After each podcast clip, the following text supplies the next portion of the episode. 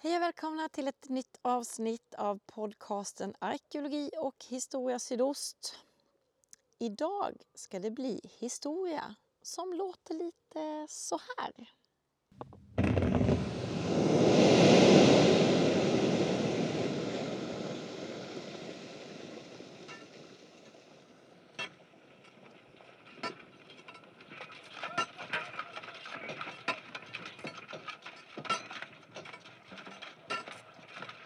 Ja, hörni, det här är ljudet av hårt arbete. Vi ska ta oss till en plats med en väldigt spännande historia. Vi ska ut i Karlskrona skärgård till den ö längst ut som man kan ta sig med bil, nämligen Kyrkö. På Kyrkö fanns en gång Blekinges första industri, tillika också under en viss period Sveriges största arbetsplats. Vi ska besöka kvarlevorna av Kyrkö stenhuggeri.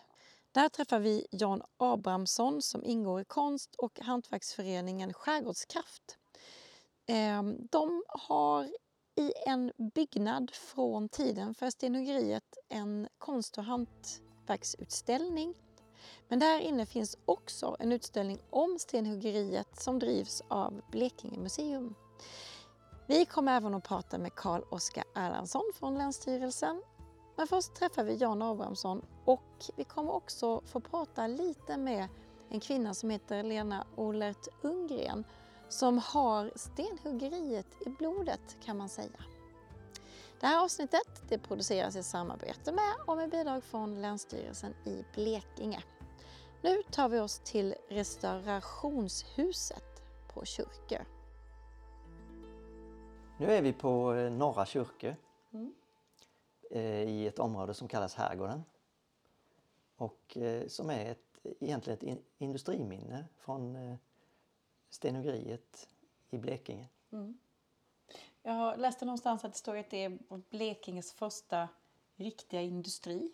Ja, det kan man säga. Och ett tag var det en av Sveriges största arbetsplatser. Var det? Ja.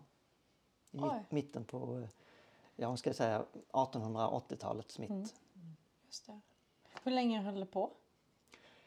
Ja, alltså det fanns ju en storhetsperiod kan man säga mellan 1872 eh, och 1895 ungefär. Mm. Men det höll ju på, alltså man höll på med stenbrytning här fram till 1950-talet fast det var det ju betydligt mindre skala. Det var så länge sedan? Ja, till. Alltså, fast alltså det, du kan inte jämföra det, men om man säger nej, sista, nej. sista ja. stenen högs högst någon gång på 50-talet men då var det kanske liksom enskilda personer som gick här och knackade lite. Och sen hade man ju en stenkross. Ja, precis, jag skulle precis ja. nämna den. Den var här. Och den, den kommer jag ihåg som barn, att den fanns här. Man hörde det här ljudet och det här. Mm. Jaha. Så att, eh, ja.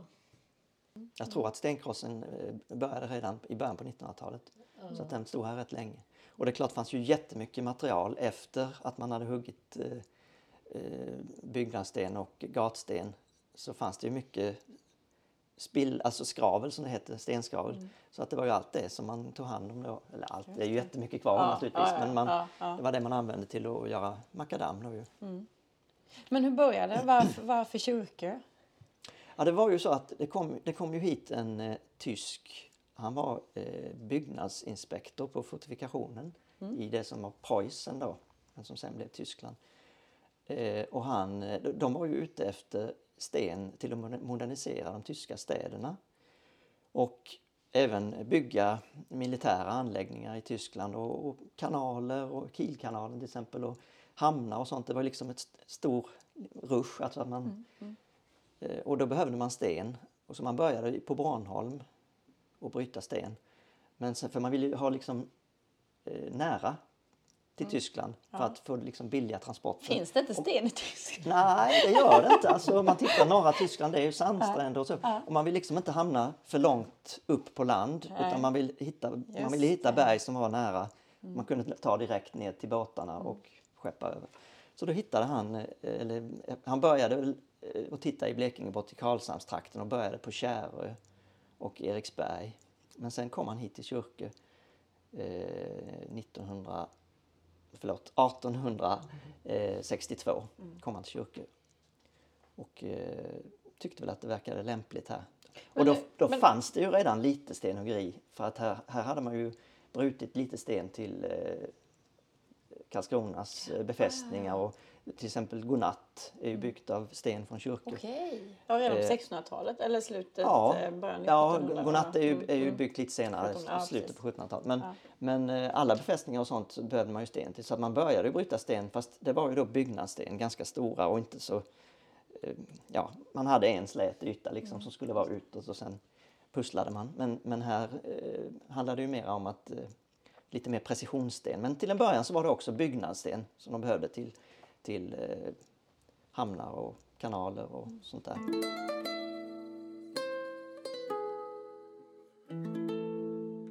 Men kunde han bara komma hit och säga hej, det här vill jag ha? Eller vem, var det som ägde det? Jo, Alltså, det fanns ju, det fanns ju, det var framförallt två eh, lite större markägare. En som ägde herrgården och en som ägde nere på målen lite längre här på sydvästra sidan. Så han köpte eh, berg utav dem. Alltså man, jag tror inte att han köpte marken utan man köpte rättighet att bryta. Bryta? Ja, Ja. ja, okej. Spännande. Ja. Redan då på något vis. Ja, ja. Ja, Och sen fortsatte det ju med eh, längre fram när man kom in på eh, 1870-talet. Då var det ju det här med gatsten. Och då blev det plötsligt en helt, eh, alltså ett, ett riktigt uppsving. För att från början var det kanske 200-250 man som jobbade då i, när han kom hit eh, de första tio åren. Men sen blev det ett väldigt uppsving sving med, med gatstensproduktionen. tänk gatsten. De här små. Hur de har fått jobba. Ja visst, det är, mycket, det är mycket arbete bakom varje liten sten. Ja. Ja, vet man hur mycket det är brutet i ton? Det finns uppgifter på det men de eh, uppgifterna har inte jag lyckats lägga på minnet. jag, har okej. läst det, jag har läst det. det mycket, man utskeppade vissa år, då var det extremt mycket ju. Ja.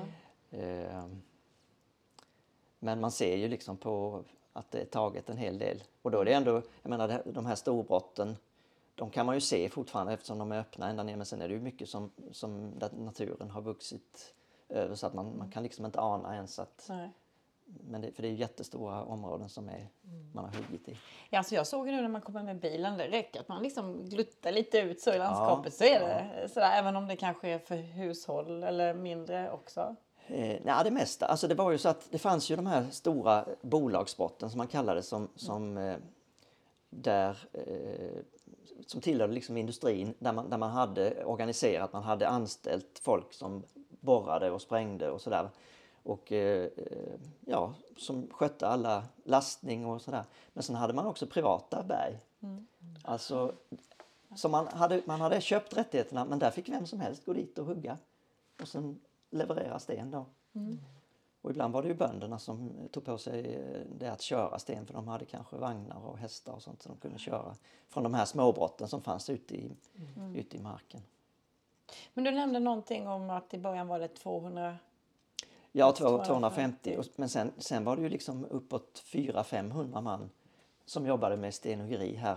Plus att man på, eh, det var också början på 1870-talet, eh, då slöt man ett avtal med eh, eh, kronan om eh, att ta hit eh, fångar som jobbade. Och det var, Ut, utöver utöver där? dem. Så det var en 400 man och ibland, ibland mer.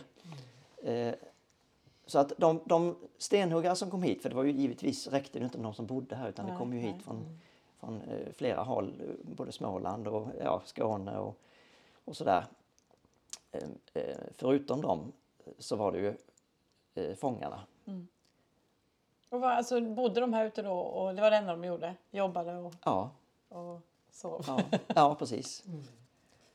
Okej. Och fångarna bodde ju det här, i det här huset som du ser där i mitten. Mm. Det var ju liksom förläggning för dem. Är nästan svårt att tänka sig att det kan gå in 400 man där men de, det var ju trångbott alltså. Man sov ju oftast, fick man ju dela säng med någon. Skavfötters Så, helt enkelt? ja. Och så likaså fanns det ju eh, kaserner, men det var ju inte till fångar utan det var ju till de övriga arbetarna som kom hit. Det var ju oftast ungkarlar och så. Så den byggnaden längst bort där, det är en Ja, av de här kasernerna. Det, det fanns totalt åtta sådana. Och ett par av dem tror jag var tvåvånings. Okej. Ehm, så att det var ju också plats för en 400 personer ungefär mm. i de här åtta kasernerna som var utspridda i området.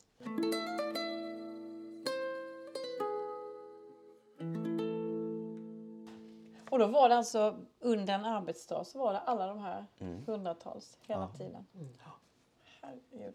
De där fångarna, vad, eh, vad, vad, vad var det för fångar? Ja, det var ju inga, eh, det var ju inga liksom mördare. Så. Nej. Nej, det var mer lösdrivare och, Ja. och, sådana. Små förseelser, kanske ja, småbrott små och ja, ja, att de inte hade någon fast adress och sådär. Nej, nej, De kanske hade fått ett straff på ja, sex månader upp till ett år kanske.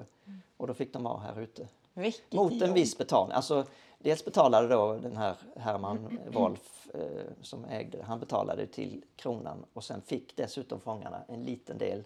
Så att när de sen blev frisläppta så kunde de kvittera ut en liten summa Jaha. som ett startkapital. Så att det var ju liksom en eh, social eh, Ja, ja, grej ja, också. ja, ja.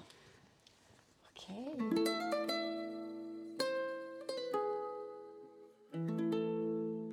Men hur gick jobbet till då? Arbetet? Va? Ja, det, man började väl naturligtvis med att borra ut stycken, större stycken som man kunde sen hugga gatsten av. Och det fanns ju framförallt då i, i de här bolagsbergen fanns det ju särskilt anställda borrare. Och då, då använde man ju, jag vet inte om här är några sådana verktyg här någonstans. Ehm. om du tänker dig riktigt långa sådana mejslar Ja, som är kanske ja, ja. så här. Och så bara fick en man sitta och hålla och sen två som slog med släggor på. Vilka sen, nervskador de Ja. måste fått i nacke och axlar. och sen ska man då vrida, man ska ju vrida borret en liten bit hela tiden så att den hugger, hugger sig ner så här. För det är ju liksom som en, som en mejsel kan man säga. Och så borrade man ner då, jag vet inte, jag kan inte säga exakt hur djupt men eh, man fick ju göra flera borrhål eh, om man skulle få ut ett större stycke och sen eh, slog man dessutom med en, eh, en, en sån lite större mejsel så slog man, slog man liksom en, ett spår Mm. i stenen. Och sen eh, dynamit. Eh, nu ljuger jag lite faktiskt för det var svartkrut i början. Ja. Och det var det som var så eh, obehagligt för att det var väldigt mycket olyckor med det. ja, det. För att svartkrut är ju inget man ska leka med. Det har vi faktiskt ett avsnitt om krutets väg Ja. i podden. Mm, Ja. Just svartkrut. Nej, så man fyllde ju hålen med krut och sen skulle det vara eh, sand överst och sen packade man med, med en, en trästav. I början var det många som använde liksom själva borret och tryckte ner men det var lite farligt för det kunde bli en gnista. Minsta gnista där. Och då blev det ju ja, hemska olyckor ibland. Det finns berättelser om sådana här eh, järnspett som har gått rätt genom huvudet på folk när har skjutit upp ur hålen. Och sen fick man ju då transportera de här styckena. Eh, ja, ibland stod de väl på plats i brotten och högg även till, till gatsten. Men allting skulle ändå ner till hamnen. Så att jag, jag vet att det finns berättelser om att man, man transporterade större stenblock ner till ett särskilt ställe där, där stenhuggarna sen stod och, och eh, högg upp dem i mindre. Ja, ända ner till då gatsten.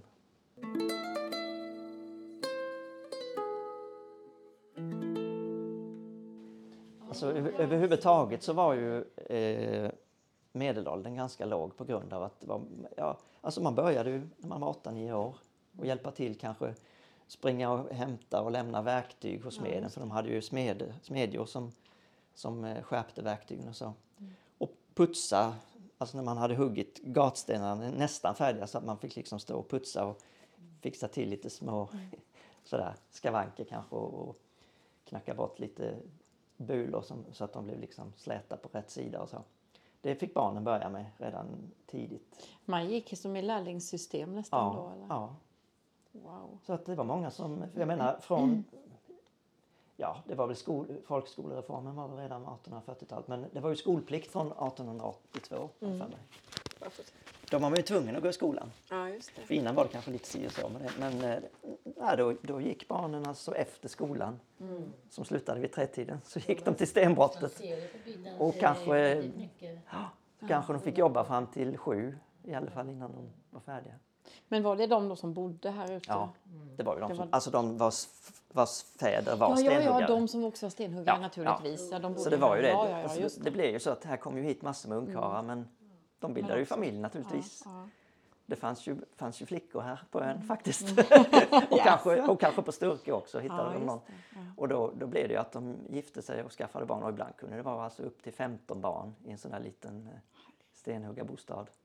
Men hur, Det länge, fanns- hur länge höll en sån kropp? Ja, det undrar man ju. Alltså att jobba med det här. Ja. Det fanns alltså förutom skador då från sprängningar och sånt så fanns det ju det här med splitter från när man högg både järn från, alltså en, en, en hammare mot, ett, mot en, sån här kil eller mot eh, mejseln. Då flyger det iväg små, små järnbitar. Och likaså som stenen då, så att jättemånga blev ju blinda och fick skador i ögonen. Och sen stendammslunga.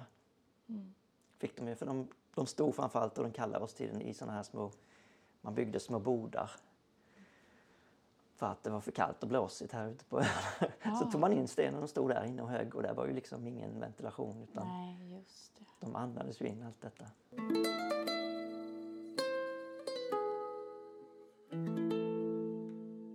Jag läste någon historia om just en, en familj som hade, de hade just 15 barn i en jätteliten sån här, jag tror att de bodde i en av kasernerna. Så de hade ett, ett sånt här litet Hur rum. orkar de ens producera alla ungar? Ja, ja, det kan man undra. Nej, men de fick inte ens plats att äta inne utan några barn fick sitta ute på trappan och äta och sen hade de ju heller inga eh, riktiga, de hade inte haft råd med några eh, riktiga matservis och så, så de satt och åt ur gamla sardinburkar. Ja. Men mammas mormor, det var 12 barn som hon fick. Men alla överlevde ju inte. Men det var 12 barn där. Ja. Du kommer från en riktig sån familj? Stenhuggar? Ja, det kan man väl... Alltså jag kommer... Hela min släkt på mammas sida kommer ju härifrån. Så att eh, mammas både farfar och morfar har ju varit stenhuggare. Sitter i blodet då? Ja, jag gillar stenar. ja. Ja. Men det här med stenhuggaryrket. Då, när man började då tog man hit folk som kunde liksom? Och sen, Ja, alltså det, eller? det fanns nog en del som kunde redan innan som hade huggit just byggnadssten. Men sen var det ju det här med gatstenen, det var ju nytt. Ja, ja, ja. Så då tog de ju hit eh, italienare och tyskar. Ah, och Italien. österrikare lär det ha varit också fast det står sällan i papperna. Men det, det var väldigt mycket österrikare. Ja. Det är ju italienare och det här namnen som hänger kvar från Ja, alla it- italienarna. Ja, ja, just det. ja jo, det finns ju italienarssläkter. Ja, det har jag inte ens tänkt på. Ja. Massetti och Giorgi och Ja, Just Bisosso. och- ja. Vad häftigt, ja. Då är det ju långt tillbaka. Ändå. Ja. Men av någon anledning så tror jag inte det var så många tyskar som gifte sig och stannade här. För jag, jag kan inte minnas att man har hört så mycket tyska namn. De, körde, de ville hem igen. De hade ju närmare hem förstås Ja, också. just det. Just det.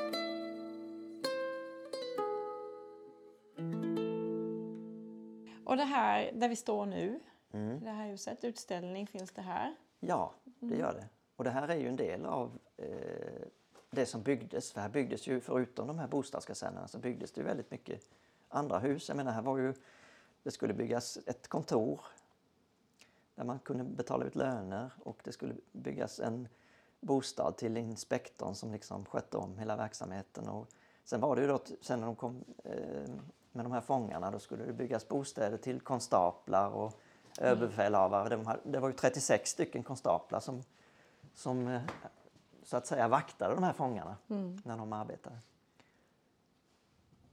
Men sen byggde man ju då det här huset, eh, det var väl också 1870-talets början. Eh, och här hade man då handelsbord. Så att folk som jobbade i steneriet de kunde gå hit och, och med sin stenhuggarsedel. Man fick, ju, man fick ju, när de mätte stenen, hur mycket man hade huggit och att vilka som, hur många som var godkända, så fick man en lapp liksom som talade om det här har du gjort. Då kunde man antingen gå och lösa in den och få lön så att säga i pengar. Eller kunde man gå till handelsboden och få varor. Jaha. Då hade man ju oftast skuld där sedan tidigare så att det blev oftast inte så mycket varor man fick Nej. i sämsta fall. Nej, så här, den här byggnaden var ju då eh, både handelsbord och sen var det matsalar. Alltså man serverade mat till de, de som inte hade eget hushåll och det var ju rätt så många. Det fanns ju inte bara denna utan det fanns ju andra, eh, andra matställen också. Många hade ju i sitt hem en, en enkel liksom att de tog emot, eh, de kanske inte kunde ta så många men ja, ja, du vet, för att kunna försörja sig. De, de som hade familj, kanske hustrun då, Mm. Stod och kokade gröt eller någon eh, ärtsoppa eller något kålsoppa Mm. eller någonting. Och eh, då kunde man gå dit och äta för någon billig peng kanske. Mm. Men här var ju liksom som en, ja, som de kallar det nästan som en ölhall. Så att här serverar man Ja, mat just det, för och det läste jag öl. någonstans. Ja. Ölhall. Man bryggde öl här också.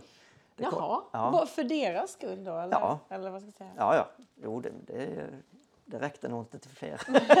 För det var nog en väldig omsättning tror jag på, Ja, ja, ja. på öl. Nu var det ju så också att, att eh, man hade möjlighet att åka in till stan Mm. på, på helgerna eller på man säger, lördagskvällen. Då, för att eh, han, eh, Herman Wolf han, han var så frikostig så att eh, det gick båtar som var gratis för de som jobbade och familjerna mellan Karlskrona, alltså Trosse och Kyrke. Flera om dagen. Så att, eh, man kunde- Skärgårdsta- tidig tra- Ja, skärgårdstrafik. ja.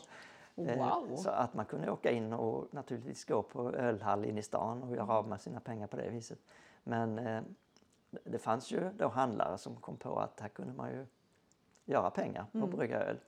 Så här kom ju en, jag tror han var styrman på fortifikationen, som, eh, han kallades Fottapelle.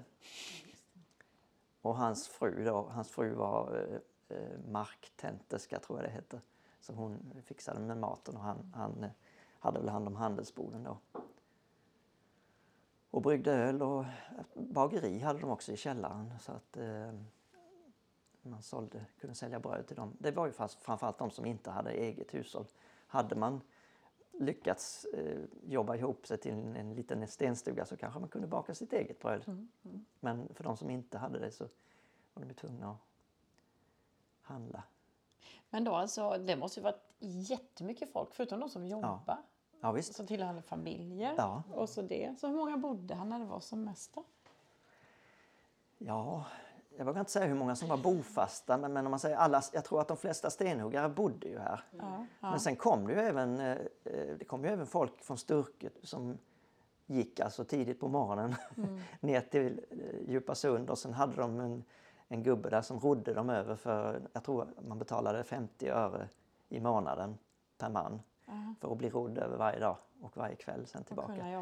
Ja, så att en del bodde ju på andra ställen och fick eh, ta sig.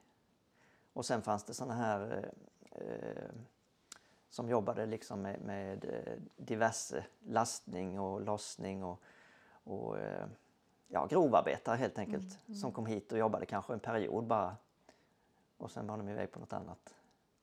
Så att det har nog varit väldig cirkulation på folk skulle jag gissa. Tänk som det var.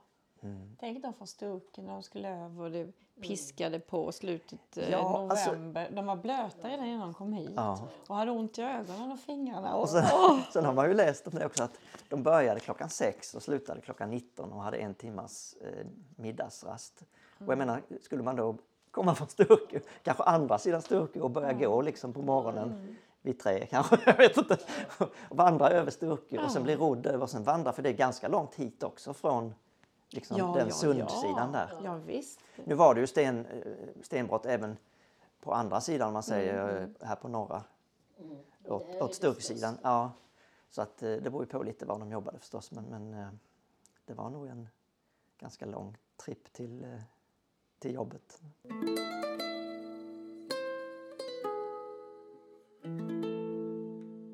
Stor prägel har det här på Sturkö och Kyrke framförallt? Men sådär området? Själva hela den Det här? är, det är nog, eh, alltså, det har nog satt väldigt stor prägel Mm. tror jag.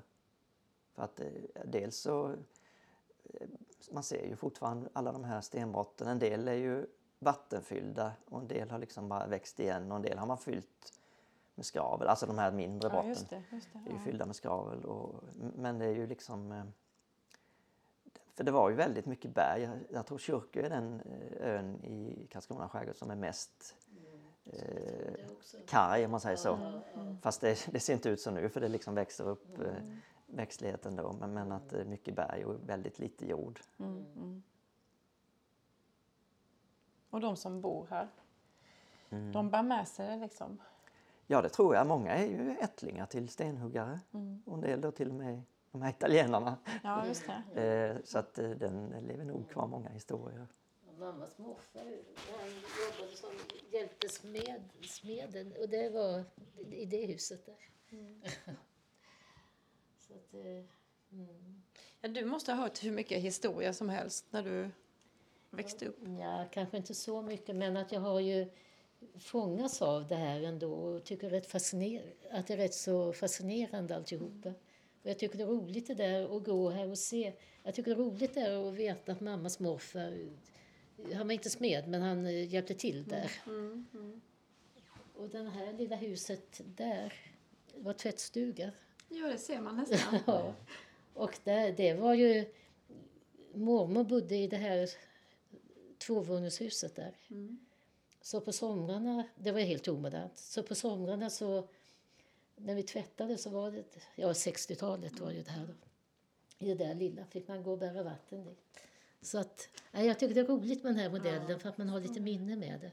Även om väldigt mycket inte finns kvar nu idag.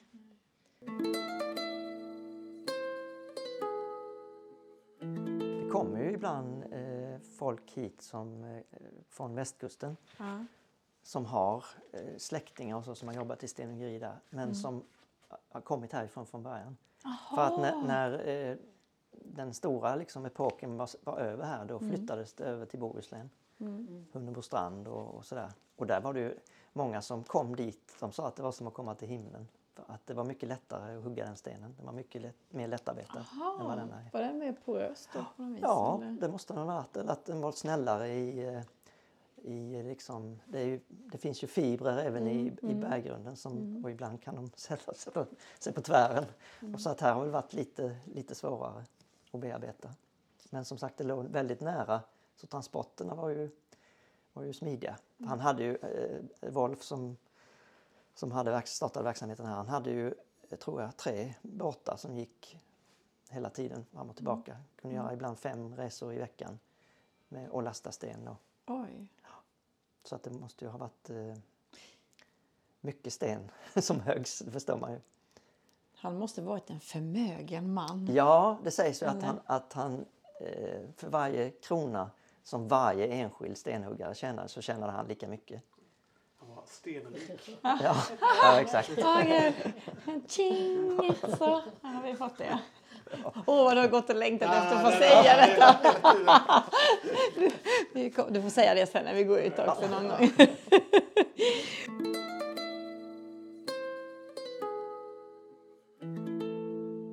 Och nu är det museum här inne. I Ja. den, lite i den här. I den här eh, änden, ja.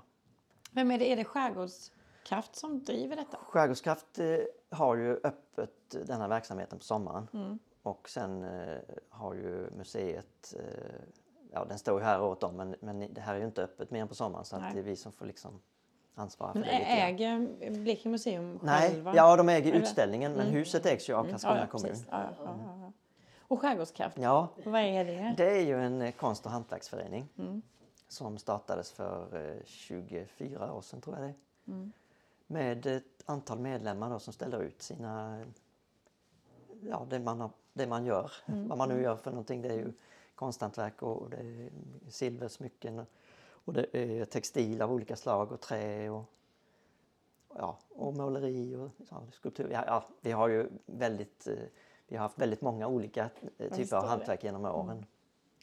Och har fortfarande. Så att, eh, men det, det, det kommer ju nya hela tiden. Vi har, nä- nästan varje år har vi några nya medlemmar. Och så ställer de ut så kan man köpa och handla Ja, här. jajamän. Trevligt. Så är- ett fint besöksmål. Ja, ja.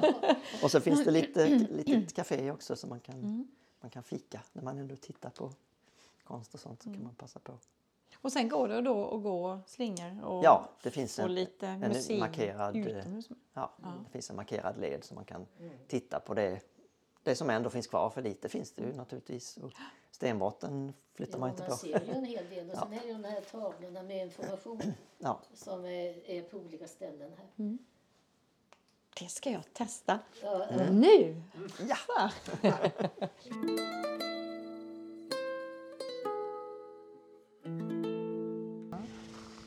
Men eh, vad intressant det var, verkligen.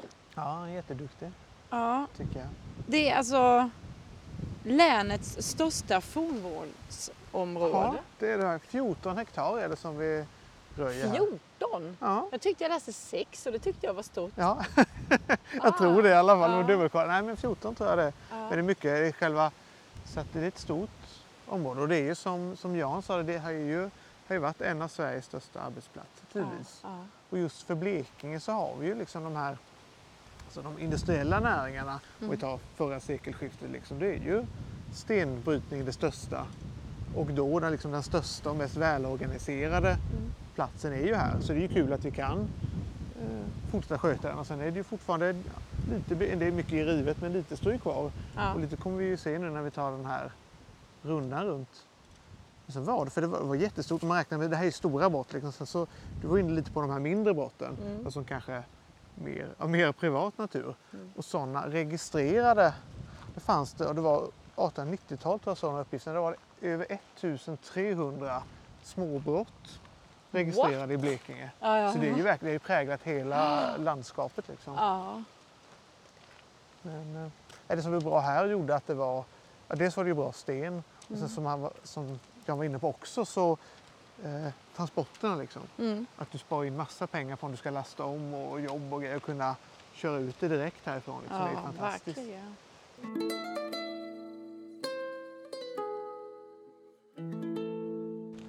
Alltså det här med hårt arbete. Ja. Man kan, man kan ändå förstå det fast man kan ändå inte fatta. Nej. Men ändå liksom... Och liksom och- det sorgliga är ju så, som det här, pratar om de här som söp bort det, men de Ja. jobbar stenhårt Ja. och så går det ut över deras familjer med sina armbord. Liksom, man har inte råd att köpa ordentligt med mat eller skor. Liksom, det gick ut över allihopa. Liksom. Mm. Och ändå de jobbade hårt men sen, så det var ju eh, en välsignelse när det drog igång de här föreningarna. Att det blev liksom, då förstår man verkligen vikten av dem i sådana här ställen. Liksom. Och det var ju, Men också, det måste ju varit att alltså, bedöva ja. lite. Och sen så torftiga lite, liksom, det var väl glädjepunkten och sen är det ju beroendeframkallande visst. så Att, Ja, ja. Man fattar ju det, att, att, och särskilt när de var unga, de här ens ungkarlarna var det väl Ja, sak samma, det var deras eget bekymmer men det var ju mycket slagsmål och så här. Men Ja. han verkar ändå ha varit en rätt schysst arbetsgivare, Herman Wolf, om man Ja. Och det här med båtarna in till stan och så känns ju ändå...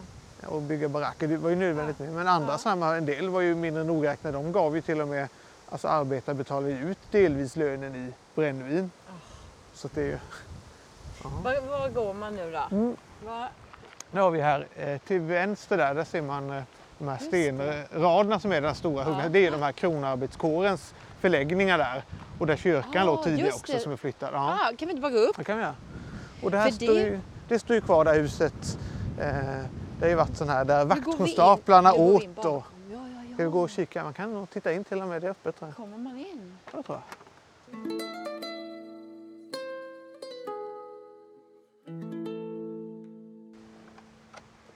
Wow! Så det är, förutom restaurationshuset så är det ett av få hus som inte är privata som man kan gå in och Och man får gå in? Ja, det tror jag. Jo, det är nog tanken att man ska. Det är kommunen som har det. Så att, jag vet inte om de har lite något event då och då kanske, men... Kan Vad sa du nu att detta var? Det var eh, de här vakthundsaparna. De hade, dels hade var man mat och så åt man ju här. Man åt väl inte tillsammans med fångarna. Det var väl inte så Nej, nej, nej, mysigt nej, kanske. nej, Man hade lite avskilt. Vad coolt! Ja, ja, men det. Oh, oh! Och så hittar vi en skålgrop också här nu plötsligt. Oj, oj, ja. Nej. ja. men det kanske har strykt med några hällristningar för kolla här. Det måste ju funnits på hällarna. Ja, det måste det ha gjort någonstans. Ska man rista någonstans måste ju kyrkor vara det perfekta. liksom. Ja, precis. Wow!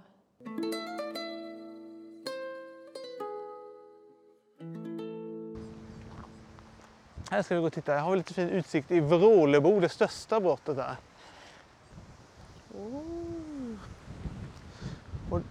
Är lite märkligt, man tänker ju att... Jäklar! Ja, vad fin utsikt. Alltså tänk dig att stå och jobba. Nu är det ändå juli. Ja, jo. Va? Ja. Och det är, idag är Ja. okej, lite svalare Ja. men dock sol och blåsigt. och det är skönt när man står här och hugger liksom. Ah, men Ja. Tänk i november när det pinar och inga handskar och händerna. Visst, reumatism var ju ett bekymmer ibland. Ja, det kan jag tänka mig. Ja.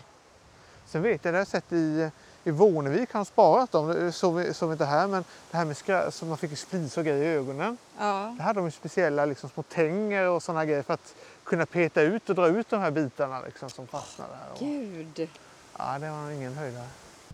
Här har vi, har vi en sån här återuppbyggd sån här eh, bod. Den är ju den är ju nybyggd men gjord enligt gammal förlaga.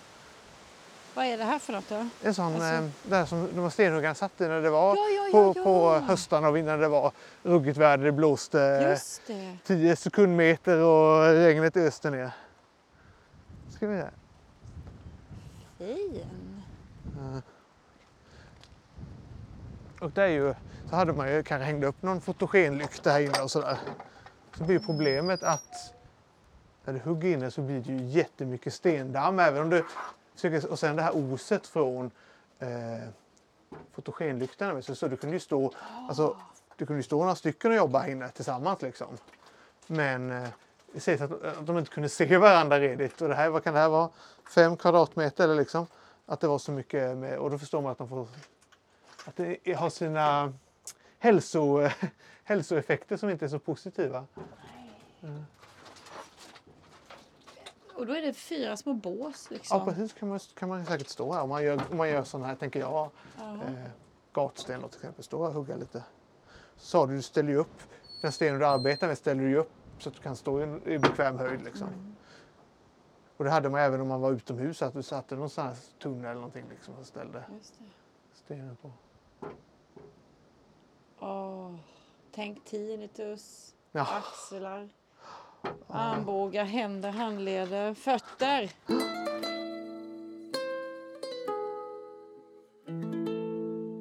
Krutboden. Nu har vi en byggnad som står kvar med. Vi. Och det är en gammal befintlig. Den ska vara. Det ska vara. Jag vet inte om man har eh, behövt fixa till någonting där, men det är nog original alltihopa. Det tror jag.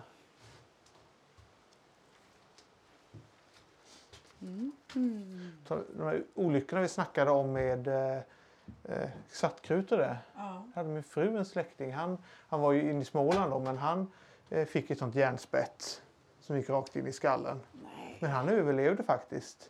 Jag hade ju fru och barn och så här, men bekymret var ju bara att han blev ju, även det tog länge att återhämta sig, då blev han ju, fick hjärnskada, hans personlighet förändrades ju.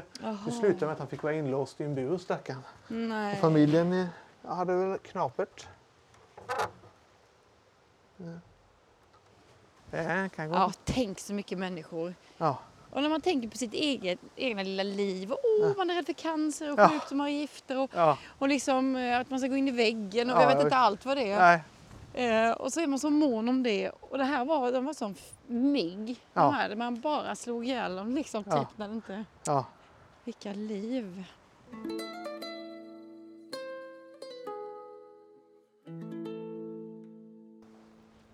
Har vi gått runt 14 hektar om det stämde nu då? Ja, just det. Ja, men vad säger vi nu då? Ja. Kyrke stenhuggeri. Då har vi sett en, en, en, gång, en gång en av Blekinges största stenindustrier faktiskt. Nej, men och ett, får vi säga, alltså väldigt tydligt minne av den här epoken. Man kan se både liksom eh, de här enorma brotten, vi har en del byggnader kvar som man liksom kommer nära, kan gå i samma byggnad som de gjorde och sen ja, den här museidelen med utställningar där man kan få sig lite så kan man ju gå ännu djupare och fånga de här livsödena och grejer. Men ja, väl värt ett besök. Ja, Sån här. definitivt. Kommer Här får man både industrihistoria, nutidskonst, Ja. hantverk Ja, och eh, en härlig liten promenad. Jag kan tänka mig att sitta här på en sån här sommarkväll av de här solvarma hällarna och ta en öl eller någonting och sitta ut här och begrunda hur det var för 150 år sedan istället. Verkligen. Nej, jag tackar för att jag eh, för att du hängde med ut. Ja, ja, men tack själv. Tack snälla.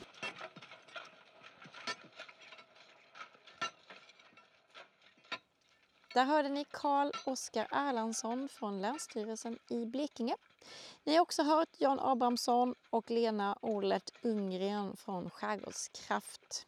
Och det här är verkligen ett riktigt utflyktstips måste jag säga. Eh, om ni passerar östra Blekinge i sommar eller är här, så kör ut i skärgården. Ta en promenad och kolla in utställningen och gå den här slingan runt den här lilla vandringsleden.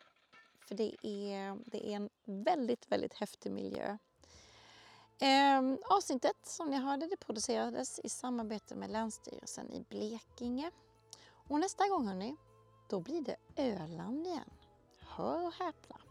Men fram till dess, ha en skön sommar så hörs vi snart igen. Hej då!